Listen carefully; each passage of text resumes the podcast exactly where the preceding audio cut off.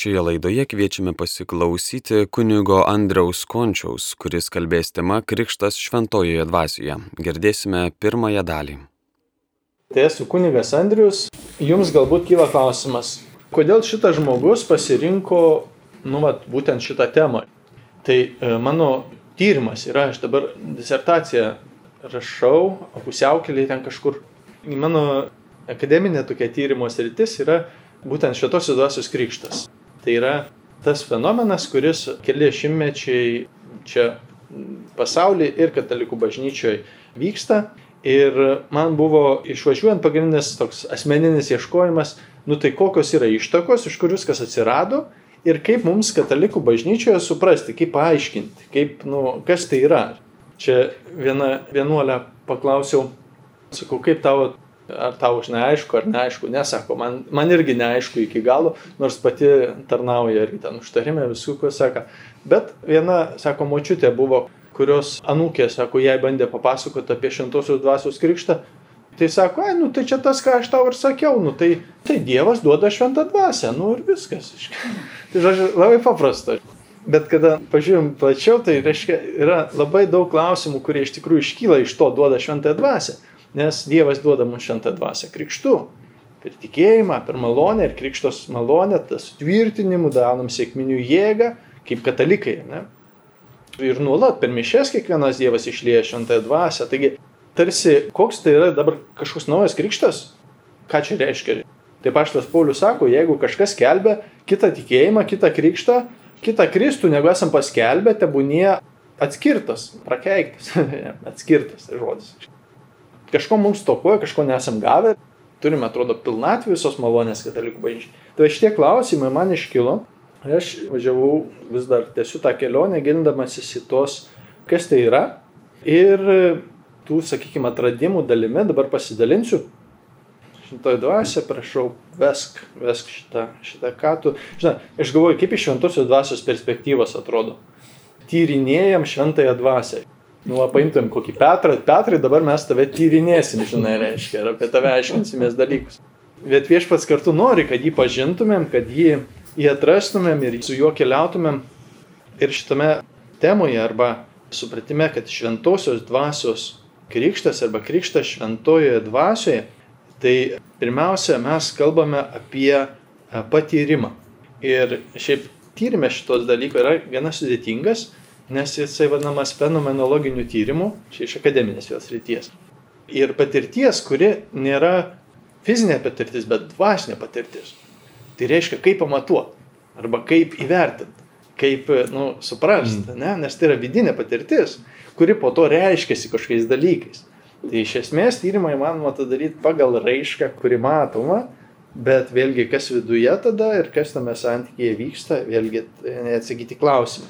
Ir iš esmės tai yra dovana, kuri vadinasi Dievo artumo arba šventosios dvasios išliejimo arba šventosios dvasios dovanos. Ir tai yra patirtis arba Dievo patyrimas iš esmės yra kitas krikščionybės vardas. Nes krikščionybė arba kristonybė, sėkimas Kristumi, taip turbūt tiksliau būtų sakyti kristonybė, gyvenimas pagal Kristų. Kristumi, Kristuje, pagal jį, pagal jo mokymą. Ne? Tai iš esmės yra patirtis. Jau nuo Izraelio Jahve apreiškė Abraomui, jis patyrė Dievą, Dievo prieškimą.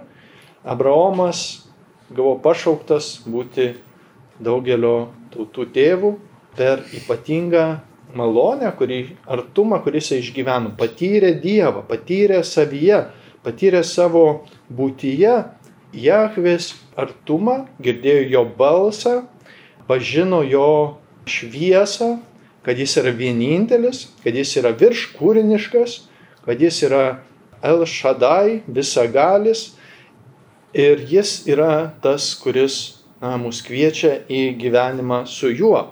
Ir Izraelio viso istorijoje pranašai ir ne, kurie gauna Dievo žodį, Mozė, kuris buvo absoliučiai mystikas, Mozė mes apie jį mastom dažnai kaip apie tokį įstatymo mokytoją arba tokio tarsi, jeigu ką, kurie duoda įsakymus, mes jų paprastai nelabai mėgstam, kurie mums duoda kažkokius įsakymus, politikų nemėgstam Lietuvoje, reiškia. Bet pats Mozė buvo labai giliam santykiai su Dievu ir jisai patyrė Dievą jau vieno krūmo prabilus, dega krūmas, kodėl nesudega, žinai, kas čia yra, šiandien patikrinam. Ir tenais e, Jakvė prabila, aš esu, kuris esu. Kai Mozė paklausė jo vardo, aš esu esantysis. Ir šis buvimas arba mūsų buvimas tarsi savarankiškiams, nepriklausomiems nuo Dievo ir jo buvimas, Dievo buvimas savyje, nepriklausomas nuo mūsų Dievas virš visko. Ir čia atpažįstame Dievo paveikslą. Tos laisvės, kurią mums davė, ir to santykio ryšio su juo, kuriai jisai kviečia. Taigi Izraelio tautos Jahvės patyrimas. Ir galiausiai per Izraelį viešpas mums paskyrė mums atnešti išganimą, kuriame atsiranda Jėzus Kristus, istorijoje gimęs Dievo sūnus. Ir tai yra absoliuti Dievo ir žmogiškumo ir dieviškumo patirtis istorijoje. Dievas prisima kūną, Dievas tampa kūnu ir vaikšto šitoje žemėje. Jis valgo, jau nuo vaikystės žaidžia, auga, visko gyvena kaip visiškas žmogus. Tai yra, mes kalbame apie Dievo patyrimą, kurį mes žmonės patiriame Dievą, Dievas pasirinko patirti žmogiškumą, visą pilnatvę ir patirti ir skausme visą žmogiškumo pilnatvę. Taigi Dievas pirmas pasirinko patirti žmogų ir pirmiau negu mes pasirinkome patirti Dievą ar jį išgyvenome. Mes atsiradome iš Dievo noro arba Dievo kviepsnio per tėtį mamą bet Dievo noru mus pašaukė būti ir egzistuoti tiesioginiu savo dvasios kvėpsniu, mus kiekvienas sukurdamas. Kiekvienas esame norėtas, kiekvienas esame Dievo sukurtas. Taigi, Dievo patyrimas, kurį mes išgyvename, šalia Dievo patyrimo žmogaus būties per Jėzų Kristų. Taigi mums ta kristonybė arba yra iš esmės Dievo įsikūnymo, Dievo ateimo kelias į mūsų gyvenimą. Ir viena yra Jėzus patirtis. Tai yra jo kaip Dievo sūnaus ir mūsų patyrimas šiandien tuo, kas yra mums Jėzus, kaip mes su juo susitinkame, kaip esame su juo, kaip keliaujame su juo.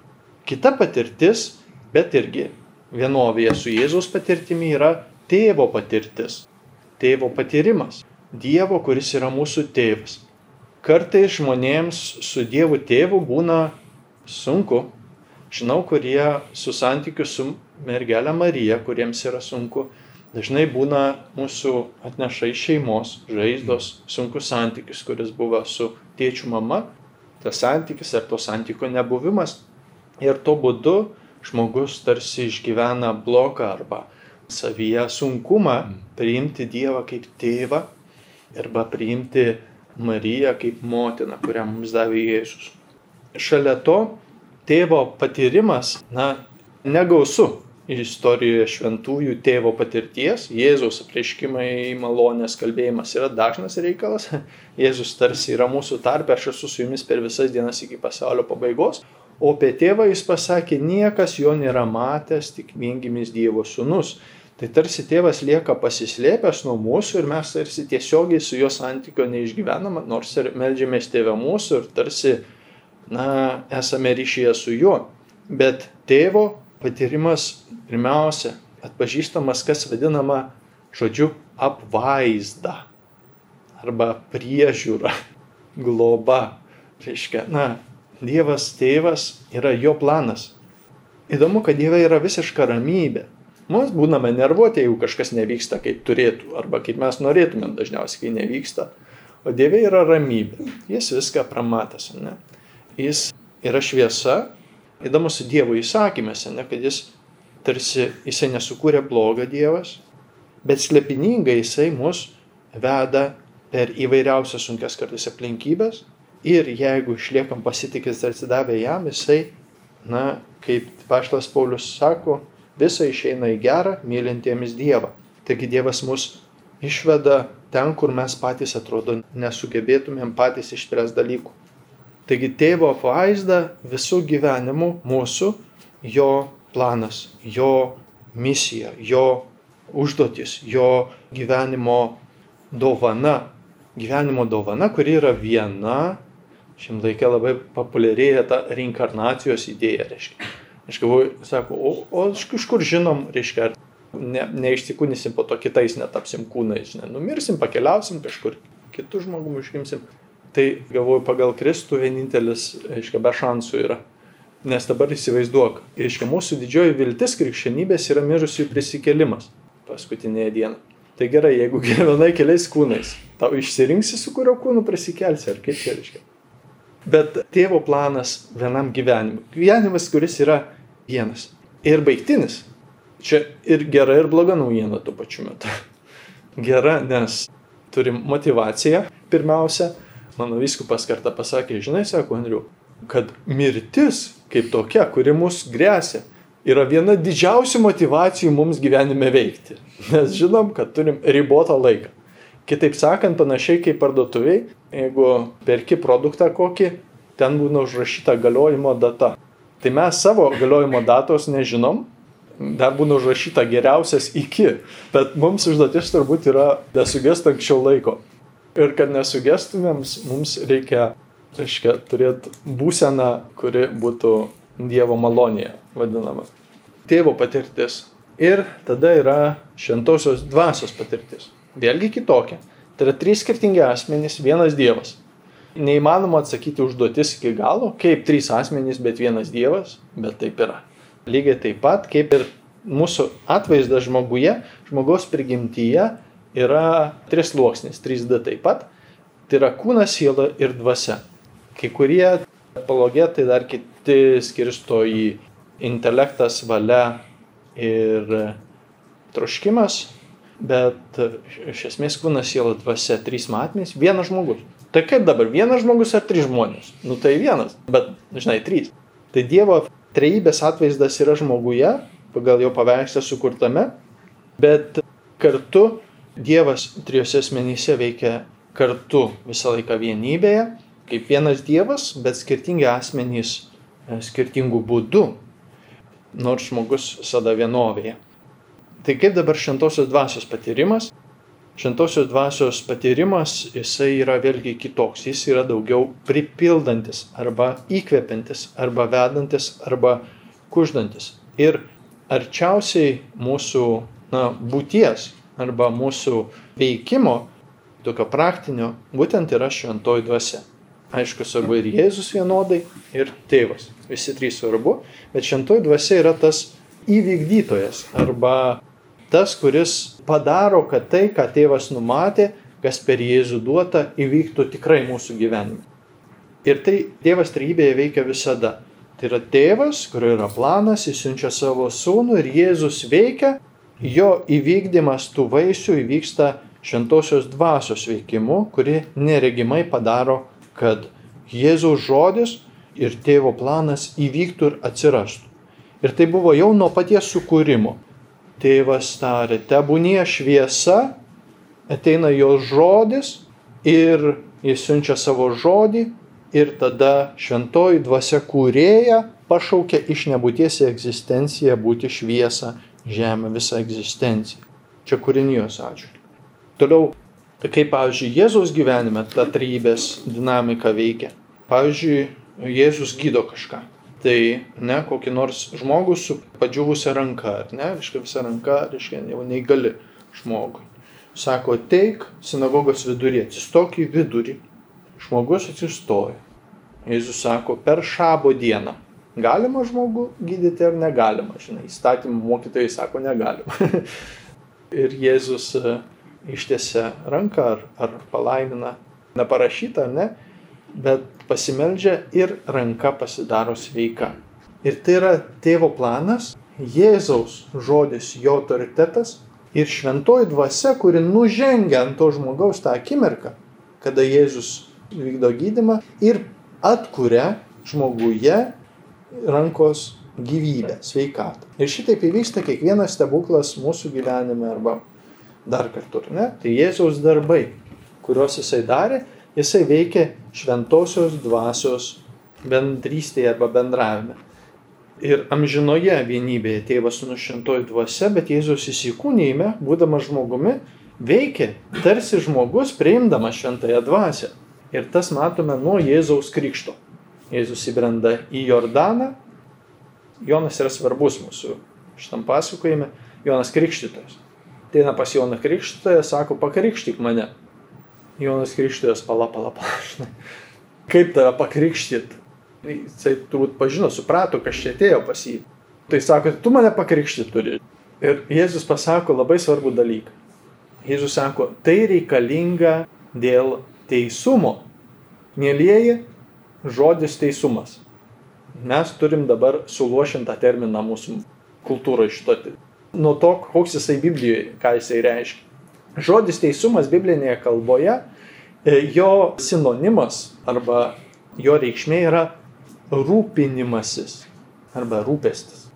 Taigi tai reikalinga, kad būtų pasirūpinta žmogumi, Jėzus sako. Tai reikalinga dėl teisumo. Dievas yra teisus, nes jis mus myli ir mumis rūpinasi. Mus, jis yra teisus. Ne, kad aš teisus, kai čia visi, visi nusidėjai, kvaili ir taip toliau. Žmogus yra teisus, jeigu skaitome Bibliją, ne, kuris rūpinasi savo artimu, šelpia našlaičius, teisus žmogus meldžiasi, jis garbina Dievą, jis rūpinasi Dievo valia ir savo artimu. Taigi tas teisumas. Tai Jėzus sakė, tai reikalinga dėl teisumo. Ir įbridęs į vandenį priima krikštą iš Jono. Atsiveria dangus fiziniu pavydalu. Vienintelis atvejis šalia sėkminių ugnies, kada šventoji dvasia apsireiškia matymų ir regumų būdu balandžio pavydalu nusileidžia ant Jėzaus. Ir visi tai mato. Ir tada jisai pradeda savo misiją.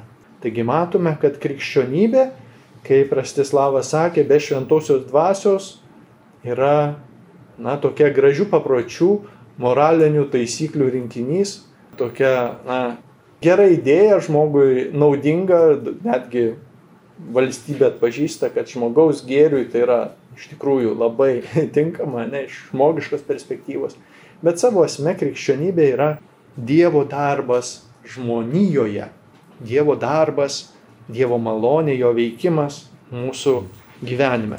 Ir tai yra patirtis, visai kaip Jėzus prieėmė krikštą ir kad mums suteiktų šventąją dvasę, įsteigtų mums krikšto malonę, tuo būdu ir mes galėtumėm patirti tą pačią šventosios dvasios patepimo dovaną, kurią turėjo Jėzus. Galima sakyti, stovėti Jėzuje su ta pačia šventąją dvasia. Ta pati šventoji dvasia, kai stiprino Jėzų, kai jis žengė į savo auką už mūsų išganimą. Taigi matome, kad šventoji dvasia kartais mus veda per sunkius dalykus, ir padeda per juos patirti ką? Prisikėlimą. Prisikėlimą. Ir esame prieš slėpinį. Kodėl? Bet vėlgi tėvo planas yra ne mūsų planas. Kai Jėzus sakė savo paštalams, atvirai pasakė, aš turiu keliauti į Jeruzalę, ten mane išniekins, apspjaudys, kankins ir nužudys. Paštalas Petras sakė, viešpatie, ne, nesąmonė, negali taip nutikti, reiškia. Prašom persigalvoti. Žinai, Jėzus sako, eik šalin nuo mane šito, ne, ne, nes mes tai žmonių, ne Dievo mintimis.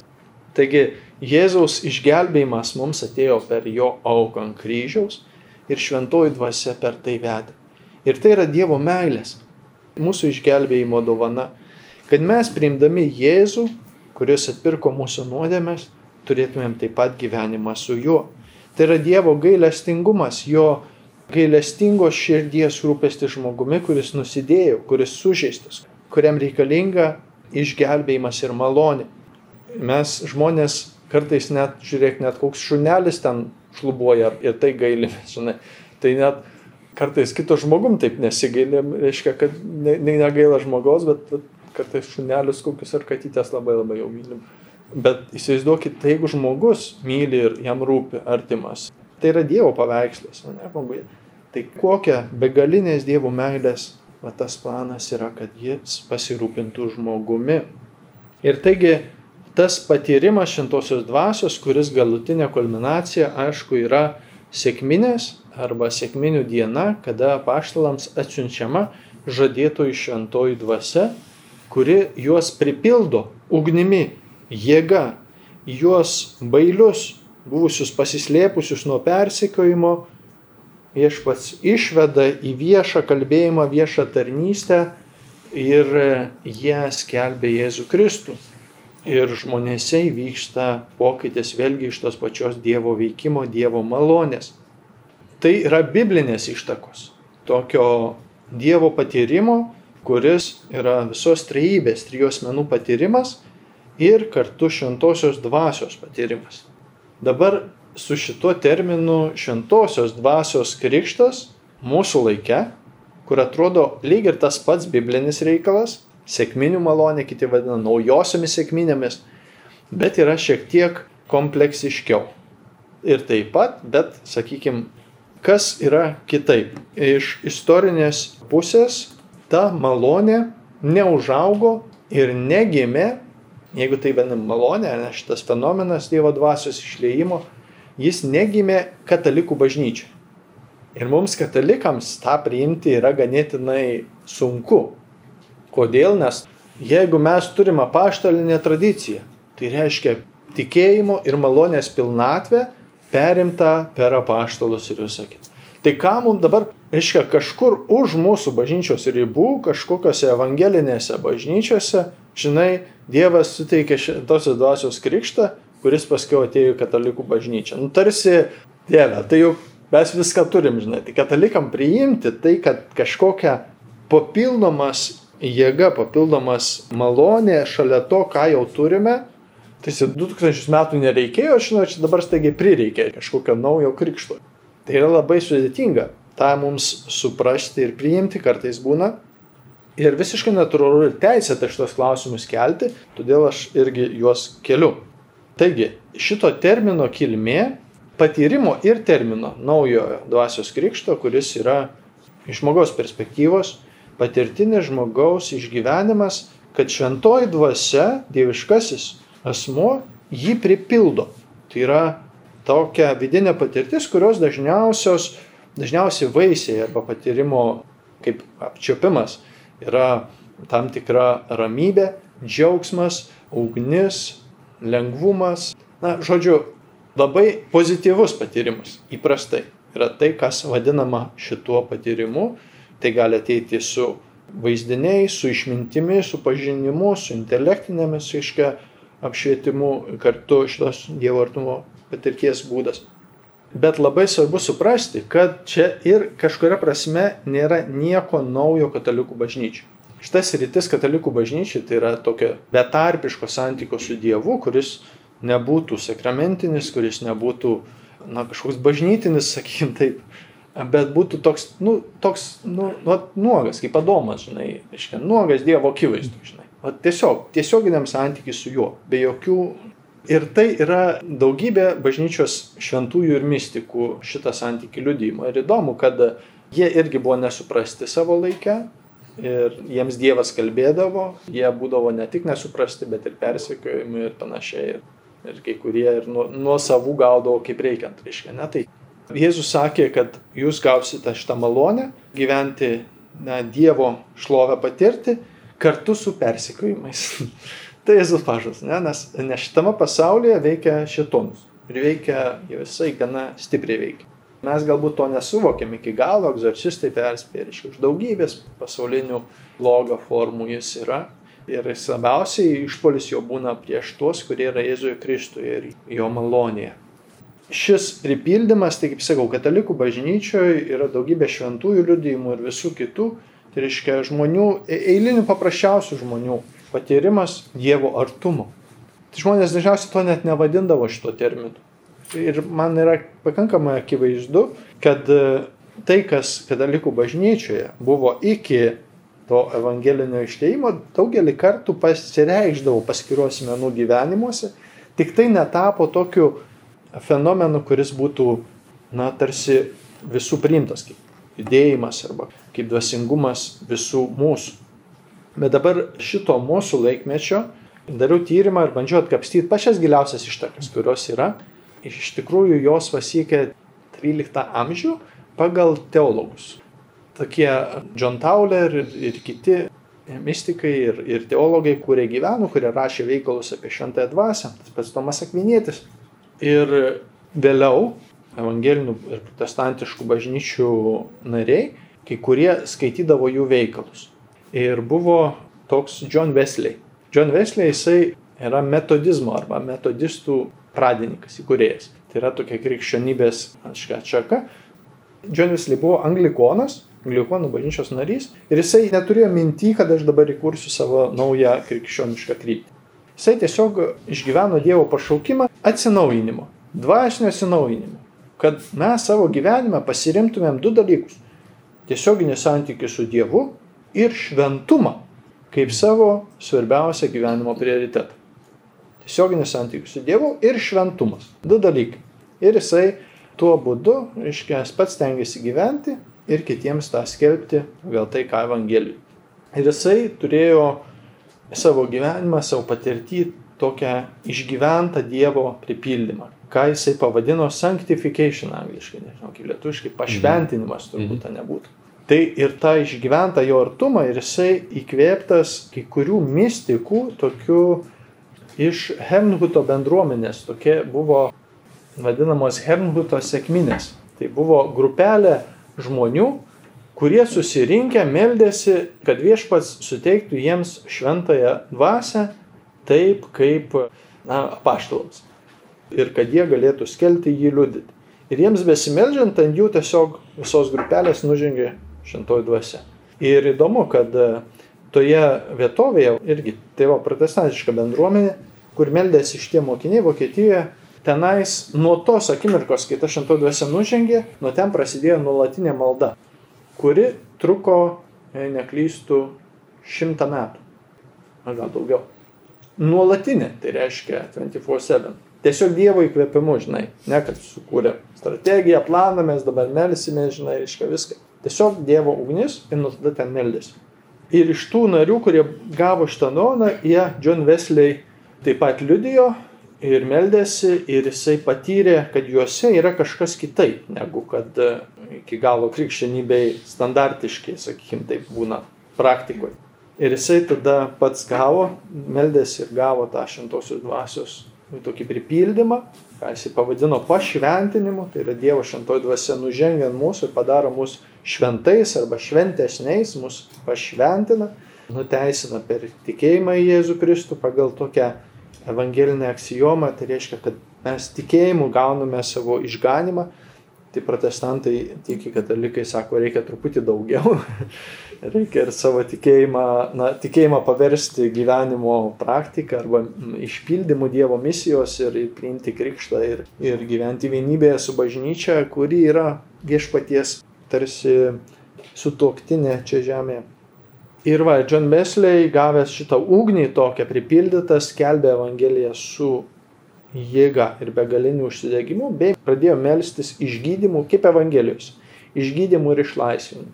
Jos skelbimuose ten yra užfiksuota stebuklų, išgydymų ir visų kitų fenomenų, kurie, na, tiesiog galime suprasti kaip šimtosios dvasios reiškia. Ir vienas mokinių, John Wesley, toks John Fletcher, jisai 18 amžiui ėmė vadinti tą šventumo pripildymą šventosios dvasios šventosios dvasios krikštu. Tai buvo, jisai, jo pirmasis terminas buvo krikštas šventąją dvasę, baptism with the Holy Spirit. Paskiau pasikeitė in the Holy Spirit, tarsi mes šventoje dvasioje panardinami. Ir šitas terminas būtent reiškia tokį nesakramentinį. Mums, katalikams, krikštas viskas aišku. Vanduo, bažnyčia, arba kartais ir ne bažnyčia, ne, šiaip visai būna. Iškia, šitoj vietoje jisai tą terminą naudojo biblinį. Būtent Jonas Krikštytojas sakė apie Jėzų, kai jisai atėjo, štai Dievo vinėlis, kuris naikina pasaulio nuodėmės, jis jūs krikštys šventąją dvasia ir ugnimi. Tada pats Jėzus sakė, kad prieš prisikėlę savo paštalams, prieš sėkmines, jūs po kelių dienų būsite pakrikštyti šventąją dvasę ir gausite jos galybės. Tada tapsite mano liudytojais Jeruzalėje ir iki pat žemės pakraščių. Ir galiausiai pačios sėkminės tai išsipildymas tų pažadų, per Joną Krikštytoją ir Jėzaus, kad busite pakrikštyti šventojoje dvasioje. Pažodžiui, panardinti į Dievą arba panardinti į Jo šventąją dvasią. Nes žodis baptizein, krikštas, kuris yra išvertus reiškia panardinimą. Tolygų panardinti į vandenį, pavyzdžiui, kuris ir iš pradžių ir būdavo panardinimas į vandenį. Dabar supaprastinta krikšto formulė, bent katalikų bažnyčio, ortodoksai vis dar nardina pilnai, ar suaugęs, ar tu numiršti šiam pasauliui krikšto metu, panerdamas į vandenį, tu dinksti iš šio pasaulio, tada Dievas tave prikelia naujų kūrinių. Numirimo, Kristaus mirties ir prisikelimo tas simbolinis vandens yra atgimdančiai malonė, simbolinis ženklas, vanduo, kurį viešpats įsteigė, tik simbolinis ne tokia prasme, kad, žinai, simboliukas, bet pagal bažnyčios, reiškia, žvilgsnis, simbolis yra rimtas reikalas, tai reiškia ženklas, kuris išreiškia tikrovę. Kuris reiškia tikrovę. Taigi vanduo yra simbolis, o tikrovė yra žmogaus gimimas Dievo vaiku arba Dievo kūriniu. Taigi Fletcheris pradėjo nu, tam pašventinimui naudoti šventosios dvasios krikšto terminą ir paskiau iš metodistų atsiradęs toks šventumo judėjimas, per jį atsirado sėkmininkai. Tai yra 20 amžiaus pradžioj. Labai įdomu, aš atradau sąsąją su katalikų bažnyčia, nes čia atrodė metodistai, čia jų judėjimas. Ir kada jisai labai labai plito smarkiai tas metodizmas ir 17, 18, 19 amžiui, būtent dėl tokio, sakykime, akivaizdaus Dievo pasireiškimo jų tarnavime. Ir kažkaip to pasieko, nes katalikų bažnyčia prieš protestantus buvo nusiteikus ganėtinai nepalankiai, švelniai tariant, savo laikmečiu. Ir XIX amžius vadinama šventosios dvasios užmaršties šimtmečių katalikų bažnyčių. Kodėl? Nes kontrareformacija, tai reiškia katalikų pasipriešinimas protestantiškoms evangeliniams mokymo kryptims, iššaukė tai, kad jeigu protestantai ypač akcentavo šventąją dvasę, jo gyvenimą su ją, charizmas, dovanas, tarnystės, Dievo stebuklus ir visa kita, tai pas katalikus tapė pavojinga kalbėti apie šventą dvasę, nes tave palaikys, supranti, protestantų protestantų buvo didžiausias baisenybė, reiškia, kataliko, reiškia, saugojo labai. Ir va tas užmaršties laikotarpis, ir tada teologai vadina 20 amžių, kuriam katalikai pamažu vėl ėmė atrasti šventąją dvasę, kažkuris yra parašęs straipsnį Cinderella in the Catholic Church. Tai pelenė, reiškia, šventoji dvasia, kurią tarsi atrado, atrado katalikų bažnyčia 20 amžiui, reiškia, tarsi niekada buvo. Bet 20 amžiaus pati pradžia labai įdomų fenomenų buvo, kaip sėkmininkai kilo. Arba tai irgi nebuvo savo kilmėjai, žinot, sakyti, įsteikim bažnyčią, kaip dabar kai kurie protestantai, reiškia, kus pastorius sugalvoja, aš kursiu savo bažnyčią, žinai, tam pasivadinsiu kokio True Christ Church, žinai, ir savo įkuria bažnyčią ir tada skelbia. Bet buvo tų pačių metodistų to judėjimo, Holiness Movement, nariai, kurie susirinkę meldėsi grupeliai. Buvo toks Parhamas. Tai Čarlzas Parhamas susirinkęs irgi susirinko su grupelė ir sako, mes irgi melskim to sėkminių dovano, žinai. Ir jisai suprato, kai skaitė apaštalų darbus, žiūri, kai šventoji duose nužengia, visais atvejais šitais žmonės kalba kalbom. Tai jisai priejo išvadą, kad ženklas, kad gavom šimtą dvasę, turi būti kalbų dovana. Ir jisai grupelė meldėsi ir jo toj maldoj viena, už kurią meldėsi grupelės narė, gavo šimtą dvasę, kaip toks terminas, ne, mes kiekvienas jau esam gavę šimtą dvasę, bet na, gavo naujai tą išleimą šimtosios dvasios ir ėmė kalbėti kalbom ir po to visi kiti pradėjo kalbėti kalbom, irgi toks fenomenas įvyko.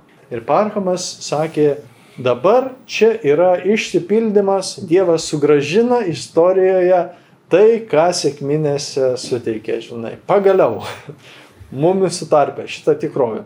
Ir jo šitas, jisai šiaip patyrė didžiulį priešiškumą ir šmeištus ir visą kitą iš aplinkos, kai jisai bandė promautinti visą šitą reikalą. Bet įdomu, kas, kokia sąsaja. Kad šita diena, kurie tai vyko, kada šimtoji dvasia nužengė ant šios vienos na, mokinės ar tikinčiosios, jo grupelėje buvo 1901 sausio pirmoji diena. šimtmečio pradžia. Ta pačią dieną, 1901 sausio 1 dieną, Vatikane popiežius Leonas XIII, palaimintosios Elenos Gveros laiškų įtikintas, kur jinai jį maldavo popiežiau, turim mystikę tokią poriškę. Man Dievas kalba ir turim atnaujinti pamaldumą į šventą dvasę bažnyčiai. Turim sugrįžti į naujasias sėkmines, turim sugrįžti į aukštutinį kambarį bažnyčiai. Pamiršom šventą dvasę. Tai popiežius Leonas būtent šitą dieną švenčia mišes ir meldžiasi Vatikane už visą pasaulį, kad būtų atsinaujinta šventoje dvasioje melsdamas šventosios dvasios atsinaujinimo bažnyčiai ir visam pasauliu.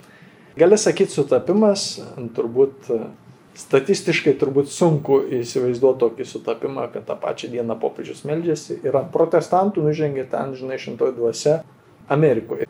Tai Dievas pradėjo šitą darbą ir jisai išplito ugnies greičiu, ugnies greičiu po visą pasaulį ir sėkmininkai yra po šiai dienai sparčiausiai auganti krikščioniška denominacija statistika rodo, kad tikriausiai po kokią 20-30 metų jie gali būti pirmoji krikščionybės pagal žmonių skaičių atšaka.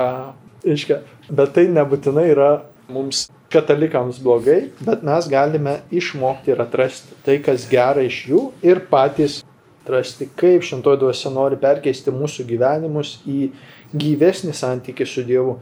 Ir taigi katalikų bažnyčia šį malonę pasiekė 1967-aisiais toks Dukvesnio universiteto profesoriai ir studentai susirinko į rekolekcijas, kur meldėsi lygiai to paties, matydami, kas vyksta evangelinėse bažnyčiose ir, žinai, suprasdami, kad, nu, iš esmės neblogai, kas ten vyksta. Ne? tai ir jie meldėsi ir, ir skaitė Sword of the Spirit, tokio evangeliko yra knyga, neatsimenu dabar jo vardu ir kita, kur būtent liudija tai, kaip šventoji dvasia jiems nužengė. Ir jie susirinkę adoracijų švenčiausio sakramento, meldėsi Dievę, suteik ir mums tos dunamis, dinamito to, tos ugnies, kuri atapaštalos darbuose yra aprašyta. Ir jiems besimeldžiant, ten toj koplyčioj rekolekcijų, ant jų irgi jie patyrė Dievo išliejimą arba Dievo malonę ir kai kurie ėmė kalbėti kalbom ir Dievo jėga jos pripildė. Ir tai buvo ištakos katalikų charizminio atsinaujinimo. Šitos grupelės dabar 50 plus metų, šiuo metu skaičiuojama apie 11 procentų katalikų yra na, tame patyrime. Tai reiškia virš 100 milijonų.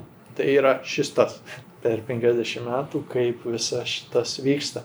Taigi toks yra tas patyrimas šventosios dvasios Dievo artumo patyrimas. Ir norėčiau galbūt pasidalinti dabar, kas šitam žmogus čia atsitiko, kad jisai va, apie šitą taip domisi ir taip kalba, žinai. Tai vieną kartą, du kartus buvau pripildytas skirtingai Dievo artumo, nesutikęs, reiškia, bendruomenės charizminės, trečią kartą jau bendruomeniai. Tai viena karta buvo mano toks momentas, kurį aš vadinčiau savo kaip ir atsivertimo tokiu. Nu, buvau geras katalikas, kaip sakyt kartais nuėdavau bažnyčią, Dievą tikėjau, kad yra, žinai, nu, tokia nesimelsdavau, bet ką čia pakeiai, žinai, pamelsies, kažkaip paterėlį sukalbėsiu. Bet gyvenime atėjau į tokį prasmės krizę. Nu tai gerai, tai kas dabar mano gyvenime prasmė, žinai, kokia mano gyvenimo prasmė. Ir atėjau į tą krizę, kada atrodė, turiu viską, ką noriu. Man, žinai, ten 20-21 metai, Aš turiu darbą, turiu merginą, turiu savo draugus, galiu savo leisti, ką noriu. Viskas gyvenimas. Nieko netrūksta. Ir, o kokia mano prasme gyvenimo? Tas klausimas mane pradėjo ne tik, kad, reiškia, klaus savo, bet nervuot. Ir kas, kad galiu veikti, ką noriu. Nu ir, ir aš va, nu, galvoju, ai, važiuoju, kai pisą suvalgysiu, gal apsiraminsiu. Ja, nu, reikia atsipalaiduoti. Savo mintį iš čia prasmės nerandu, žinai suvalgau pizzą, visą kitą, reiškia, ir vis tiek kažkaip sunku. Nu, galvoju, važiuoju prie Kauno Marių, į gamtą. Gamta vis tiek būna atgaivina, palengvėja, ten, žinai, gamtas. Nuvažiuoju, žiūriu šitą vandenį, žiūriu šitos medžios, žinai. Nu, negeriau. Važiuodamas į ten atsimenu, rūkau ir trankau rankas į vairą važiuodamas, dar ir keikiu gyvenimą ir prakeikau gyvenimą. Nu, buvo tikrai sunku tokia atrodė. Į tada supranti, prie tų Kauno Marių negeriau darosi ir atėjo tokia mintis. o kas jeigu aš Dievo paklausiu, ką man daryti? Aš galvoju, Dieve, aš tavęs gyvenime nieko neprašiau, neklausiau, palikau tave ramybėje, žinai, aš netrukdžiau. Man dabar sunku. Tu man, jeigu gali pasakyti, žinau, kad kitiem istorijų kažkur esi kalbėjęs. Pamėginsiu. Gal tu man kažkaip pasakysi, žinai, ką daryti. Na, aš susikaupiau, štou, sakau, Dieve, ką man daryti? Ir klausau. Trandžiusias mintis klausau įdėmiai, žinai, kad čia išgirst, kad nepražiapsočiau, jeigu tyliai sakai, žinai. Iš tokia spengianti tyla. Nu, galvoju, nu, gerai Dieve, nekalbi, tavo reikalas. Ir tada atėjo tokia išganinga mintis. Na, kaip sakau, velnės dirba savo darbą. Ta pačią akimirką atsiminiau, kad automobilį turiu Starkos butelį. Ir galvoju, o, tai reikia kažkaip tą nervą užpilti. Ir išsitraukiu tą butelį, atsisuku ir tada galvoju, nu gerai, dabar prigeriu ir kas tada? Važiuot girtam namo, nu kažkaip, beveik policija. Koks kitas variantas? Palikti automobilį prie Kauno Marių, kitą dieną atvažiuot pasimti. Irgi nesąmonė, žinai. Tai laikau ir aš jį į vandenį ant impulso išmečiau. Nu, žodžiu, kai suprantu, kad, nu, geriau nebus. Atsisėdu į mašiną, žiūriu, putas tarka, šventas raštas buvo. Kažkas dan davė, aš įsidėjau automobilį, su tokia mintimo, gerai, gal, žinai, Dievas saugos, jeigu turėsiu šventą raštą, gal avarijos nepadarysiu. Ir pažiūrėsiu, ką ten rašo, gal čia, žinai, sako Dievo žodis, atsiverčiu. Pačiau mato 10 reiškia, perskaičiau gabaliuką tokį ir, nu, literaliai nei žodžio nesupratau. Nu, galvoju, nu, se, taip skaitau, juodas miškas, aiškiai. Čia paštalai kažką ten eiti, daryti, aiškiai. Nieko nesuprantu. Oi, nu čia turbūt protingiem parašyta kažkokiem, žinai, mokytiem ar čia knygams. Ir padėjau. Ta pačią akimirką ir tai iš karto, ai važiuoju namo, žinai. Pradėjau važiuoti ir tą pačią akimirką staiga suprantu, kad man jie ramu ramu. Šviesu šviesu. Gera gera. Visai, gyvenime nėra buvę taip gerai. Mano vidui. Bet tokia šviesa vidinė. Tokia tarsi šviesos palaiminimas. Kaip ta bažnyčia neapšviesta balta, reiškia. Prožik, tai tokį prožiką man į vidų būtų įstatę. Šviesų visų. Ir džiaugsmas nuo visko. Tai dabar atsimenu, net džiaugsmas nuo to, kad kvepuoju. Net tai, kad kvepuoju, net ir dėl to džiaugsmas. Nu galvoju, kas man čia atsitiko. Ir tada, reiškia, suprantu, kad čia turbūt susieku su to, kas dabar čia įvyko man. Nes ir sakau, Andriu, dabar kaip aš savo vardinsiu šitą patyrimą, aš pasakiau, tai būtų dangus manie. Nu, dangus manie. Ir važiuoju pro tas pačias vietas, kurias ką tik tas pasaulis yra toks tamsus, toks juodas, toks blogas. Važiuoju pro tas pačias vietas ir matau, koks jisai gražus, kaip viskas gera, kaip nuostabu. Visi. Ir supratau, kad įvyko pokytis manį, kažkas atsitiko. Tada galvoju, aha, palauk, kas čia atsitiko man? Aš ten paklausiau Dievą, ką daryti, jis man nieko nepasakė, norėjau išgerti, neišgėriau ir tada ten kažką perskaičiau. Ir tai gal man ten Dievas pasakė, ką daryti. Ir aš grįžtu, aiškiai, susirandu tą vietą, kur buvo, mato dešimt. Jėzus siunčia savo paštus į pasaulį, eikit, skelbkite Evangeliją, gydykit ligonius, išvarinėkit demonus, prikelkit mirusiuosius, apvalykit raupsuotosius, dovanai gavote, dovanai duokite. O ba, rimtai, čia man, man dabar tipo, ligonius gydyti, demonus išvarinėti, žinai. Aiškiai, dar pasakiau, aš jo, sakau, ne jau, čia nebent kunigai šitą daro, kuo jau kuo kunigu, tai aš tikrai niekada nebūsiu, reiškia, deklaracija iš karto, reiškia, gyvenimo savo traumuoti nenoriu, žinai. Tai va tokia deklaracija, bet tada, žinai, kitas klausimas, galvoju, pala, pala, aš tokį gabaliuką šventą raštą perskaičiau ir šitaip suveikė. Tai kas bus, jeigu aš dabar visą perskaitysiu? Pasiėmiau naują testamentą, naują tik turėjau, pasirodo, teisingai skaičiau, nes Bibliją reikia skaityti pradžią naują, po to seną. Ir iš eilės, reiškia, skaityti. Ir tada jau prasidėjo atradimai, tada supratau, kad turiu melstis.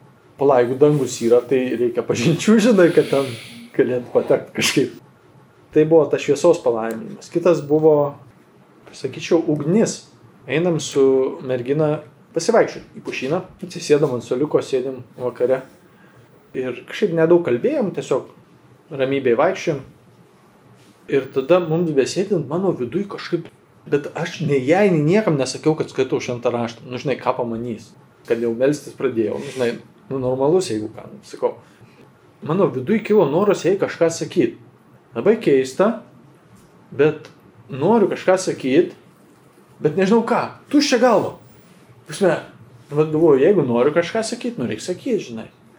Nu ir aš jai sakau, žinai ką, aš tau noriu kai ką pasakyti. Tai ką tu man nori pasakyti? Ir staiga atėjo žodžiai, kurio aš nustebau, jinai dar labiau. Jėzus yra geras. Ir tada pradėjau jai pasakoti, žinai, tas Jėzus, jisai, kaip jisai gydė, kaip jisai kitiems padėdavo, kaip jisai ten stebuklus darė. Ir kad Jėzus visai nėra toks kaip močiučių Jėzus, žinai, bažnyčioj, ar koks, kažkoks, žinai, va, toks, na, žinau, pukuotas Jėzus, toks gerutis, žinai, jisai tiesus, jisai suvartydavo žmonės, jisai kietas yra. Reiškia, aš jai pasakojau pasakot apie Jėzų, koks jis yra.